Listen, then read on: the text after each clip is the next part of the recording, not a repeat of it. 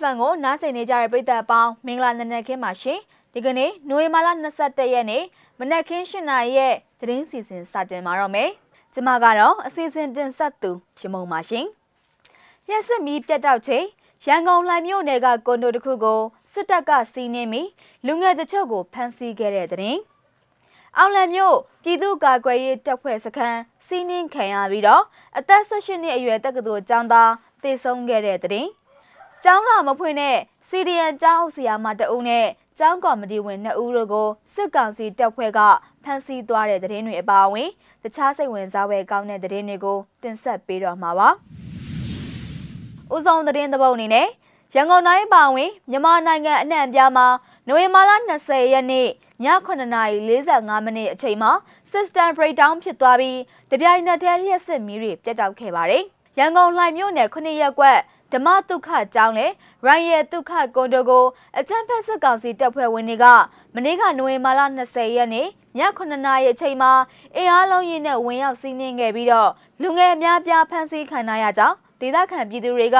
ရန်ကုန်ခေတ်သစ်မီဒီယာကိုပြောကြားခဲ့တာပါအခုလက်ရှိလူငယ်လေးဦးလောက်ကိုရိုက်နှက်ဖမ်းဆီးထားတယ်လူငယ်တွေရဲ့ကားတစ်စီးကိုလည်းတင်ထားတယ်လို့သိရပါတယ်ကွန်ဒိုအပေါ်အောက်တွေကိုဓမီတွေနဲ့ထိုးပြီးရှာဖွေနေတယ်လို့ဒေသခံပြည်သူတို့ကဆိုပါတယ်။ ဒါအပြင်မနေ့ကည၈နာရီရက်စက်မီးပြတ်တောက်ချိန်မှာအလုံမြို့နယ်ရှာမလမ်းမှာတန်ပုံးတီးနေတော့စစ်ကောင်စီတပ်ကရောက်ရှိလာပြီးတော့အိမ်တကားတွေကိုစောင့်ကန်တာတွေဖုန်းတွေကိုယူစစ်ပြီးတော့လူငယ်လေးဦးကိုဖမ်းဆီးသွားကြောင်းသိရပါတယ်။ည၈နာရီမီးပြတ်တုန်းကတန်ပုံးတီးနေကြတာအဲ့ဒါကိုစစ်ကောင်စီတပ်သားတွေရောက်ရှိလာပြီးတိုက်ခန်းတွေထဲထိဝင်ဆွဲတယ်။ရိုက်နှက်ပြီးတော့ဖုန်းတွေပါစစ်တာပြစ်တက်မဲပါကျိန်းတယ်။တန်ပုံးတီးနေတဲ့အိမ်တွေကိုအိမ်အိမ်က သူတို့လာလို့ရက်ဖို့အော်ပြီးတတိပေးတယ်။အဲ့ဒီတတိပေးတဲ့အိမ်ကိုမဲတာလို့ဒေသခံတအုပ်ကပြောပါတယ်။လှိုင်မြို့နယ်မှာလည်းရက်စစ်မီးတွေပြတ်တောက်နေချိန်မှာလမ်းပေါ်မှာရှိတဲ့လူငယ်တချို့ကိုစစ်ကောင်စီကဖမ်းဆီးသွားကြောင်းညတကုံမှာလည်းလမ်းတွေပိတ်ဆို့ပြီးတော့ဖမ်းဆီးမှုတွေကိုစစ်ကောင်စီတပ်ကလှုပ်ဆောင်ခဲ့ကြောင်းဒေသခံတွေကပြောကြားခဲ့ပါတယ်။230 KB တောင်တွဲချင်းတပြေဝရက်စစ်တအားလိုက်တအားစနစ်ချွေရင်းမှုကြောင့်ရန်ကုန်တိုင်းတွင်းကမြို့နယ်တွေမှာ ရက်စစ်မီးပြတ်တောက်ခဲ့တာဖြစ်ကြောင်း YSC ခေါ်ဆန္ဒကမီးပြတ်ရတဲ့အကြောင်းရင်းကိုထုတ်ပြန်ထားတာပဲဖြစ်ပါတယ်ရှင်။အခုဆက်လက်ပြီးအောင်လံပြည်သူ့ကာကွယ်ရေးတပ်ဖွဲ့ရဲ့စခန်းစီးနှင်းခံရပြီးအသက်18နှစ်အရွယ်တက္ကသိုလ်ကျောင်းသားတဦးတေဆုံးခဲ့တဲ့တဲ့င်းကိုတင်ဆက်ပေးပါမယ်။မကွေးတိုင်းအောင်လံမြို့အခြေဆိုင်အောင်လံပြည်သူ့ကာကွယ်ရေးတပ်ဖွဲ့စခန်းကိုအကြမ်းဖက်စစ်တပ်ကနိုဝင်ဘာလ19ရက်နေ့ညကဝင်ရောက်စီးနင်းခဲ့ပြီး PDF ရဲဘော်တအူကြဆုံးကတအူးမှာဖမ်းဆီးခြင်းကိုခံခဲ့ရကြောင်းသိရှိရပါတယ်။အဲ့ဒီတိုက်ပွဲအတွင်းကြဆုံးသူမှာအသက်18နှစ်အရွယ်မကွေးနီးပညာတက္ကသိုလ်ကပထမနှစ်ကျောင်းသားတအူးဖြစ်သူကိုမင်းခန့်သစ္စာဖြစ်ကြောင်းသိရှိရပါတယ်။တယောက်ကြတယ်တယောက်အဖမ်းခံရတဲ့လောလောဆယ်တဖွဲလုံးပြေးနေကြရတယ်အဆက်အသွယ်တွေမရသေးဘူးလို့အောင်လန် PDF နဲ့နီးစပ်သူတို့က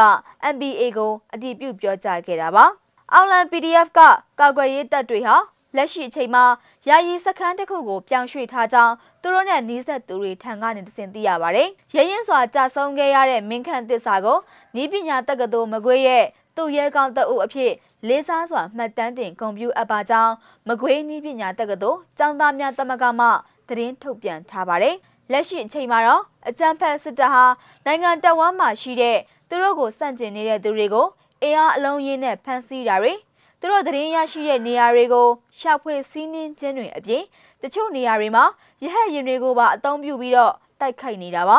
မြန်မာနိုင်ငံမှာလက်နက်အားကိုနဲ့အာဏာလွတ်ယူထားတဲ့အကြမ်းဖက်စစ်တပ်ကိုပြည်သူလူထုအနေနဲ့နေရအနှံ့အပြားမှာတော်လှန်လျက်ရှိနေပြီးတော့ပြည်သူ့ကာကွယ်ရေးတပ်ဖွဲ့တွေဟာလည်းနိုင်ငံတော်ဝန်မှပေါ်ပေါက်လာခဲ့ပြီးလက်နက်အင်အားကွာခြားတဲ့တိုင်အောင်မိုင်းဆွဲတိုက်ခိုက်တာတွေပျောက်ကြားတိုက်ခိုက်တာတွေကို ပြုလုပ်လျက်ရှိနေပါတယ်။ကျောင်းလာမဖွင့်တဲ့စီဒီယန်ကျောင်းအုပ်ဆရာမတအုပ်နဲ့ကျောင်းကော်မတီဝင်2ဦးတို့ကိုစစ်ကောင်စီတပ်ဘက်ကဖမ်းဆီးသွားပါတယ်။ရှမ်းပြည်နယ်တောင်ပိုင်းညောင်ရွှေမြို့နယ်မှာကျောင်းလာမဖွင့်လို့ဆိုပြီးကျောင်းသားမိဘရဲ့တိုင်ကြားမှုကြောင့်စီဒီယန်ကျောင်းဆရာမတအုပ်နဲ့ကျောင်းကော်မတီဝင်2ဦးတို့ကိုနိုဝင်ဘာလ19ရက်နေ့ကစစ်ကောင်စီကဖမ်းဆီးသွားကြောင်းဒေသခံတွေစီကနေတစင်သိရပါတယ်။ဖမ်းဆီးခံရသူတွေဟာညောင်ရွှေမြို့နယ် အင်းလင်းကန်အတွင်းမှာရှိတဲ့ဆယ်ခေါင်းရွာအမကကျောင်းမှာကျောင်းဆရာမအဖြစ်နဲ့အရင်ကတာဝန်ထမ်းဆောင်ခဲ့သူဒေါ်မာလာထွန်းဆိုသူဖြစ်ပြီးတော့အင်ပေါ်ခုံကျေးရွာမှာရှိတဲ့သူ့ရဲ့နေအိမ်မှာကျောင်းသားမိဘတအူးက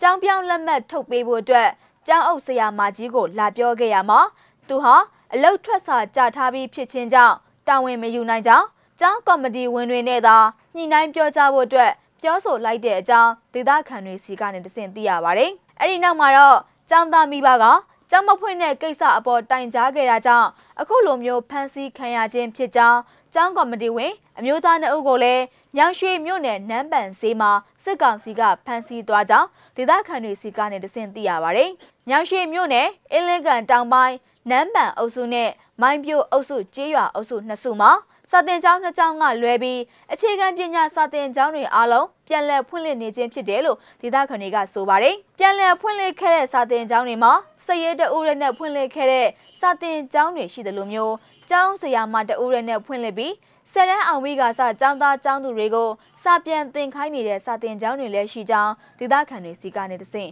သိရပါတယ်ရှင်။နောက်ဆုံးသတင်းသဘောအနေနဲ့ ကရင်နီဒေသကိုတင်သွင်းလာတဲ့စစ်တပ်ပိုင်း Mindel Phone စင်ကငွေဖြည့်ကတ်တွေကို KNDF ကမိရှို့ဖျက်ဆီးခဲ့တဲ့သတင်းကိုတင်ဆက်ပေးပါမယ်။ကရားကရင်နီပြည်နယ်အတွင်းကိုတင်သွင်းလာတဲ့အကြမ်းဖက်စစ်ကောင်စီပိုင်းမိုင်တဲဆက်သွယ်ရေးဖုံးစင်ကတ်တွေနဲ့ငွေဖြည့်ကတ်တွေကိုကရင်နီအမျိုးသားကာကွယ်ရေးတပ်ဖွဲ့ကနိုဝင်ဘာလ20ရက်နေ့မှာဖမ်းဆီးရမိပြီးတော့မိရှို့ဖျက်ဆီးခဲ့ကြောင်း KNDF ကသတင်းထုတ်ပြန်ပါတယ်။ကရင်နီတပ်ဖွဲ့ကဖမ်းဆီးရမိတဲ့မိုင်တဲပစ္စည်းတွေဟာ ကာလတန်ဖိုးငွေကျပ်သိန်း250နီးပါးရှိပြီးတော့ပစ္စည်းတွေနဲ့အတူဖမ်းဆီးရမိတဲ့ကုမ္ပဏီဝန်ထမ်းအမျိုးသား9ဦးကိုတော့ပြန်လည်လွှတ်ပေးခဲ့ကြောင်း KNDF ကသတင်းထုတ်ပြန်ထားတာပဲဖြစ်ပါတယ်ရှင်။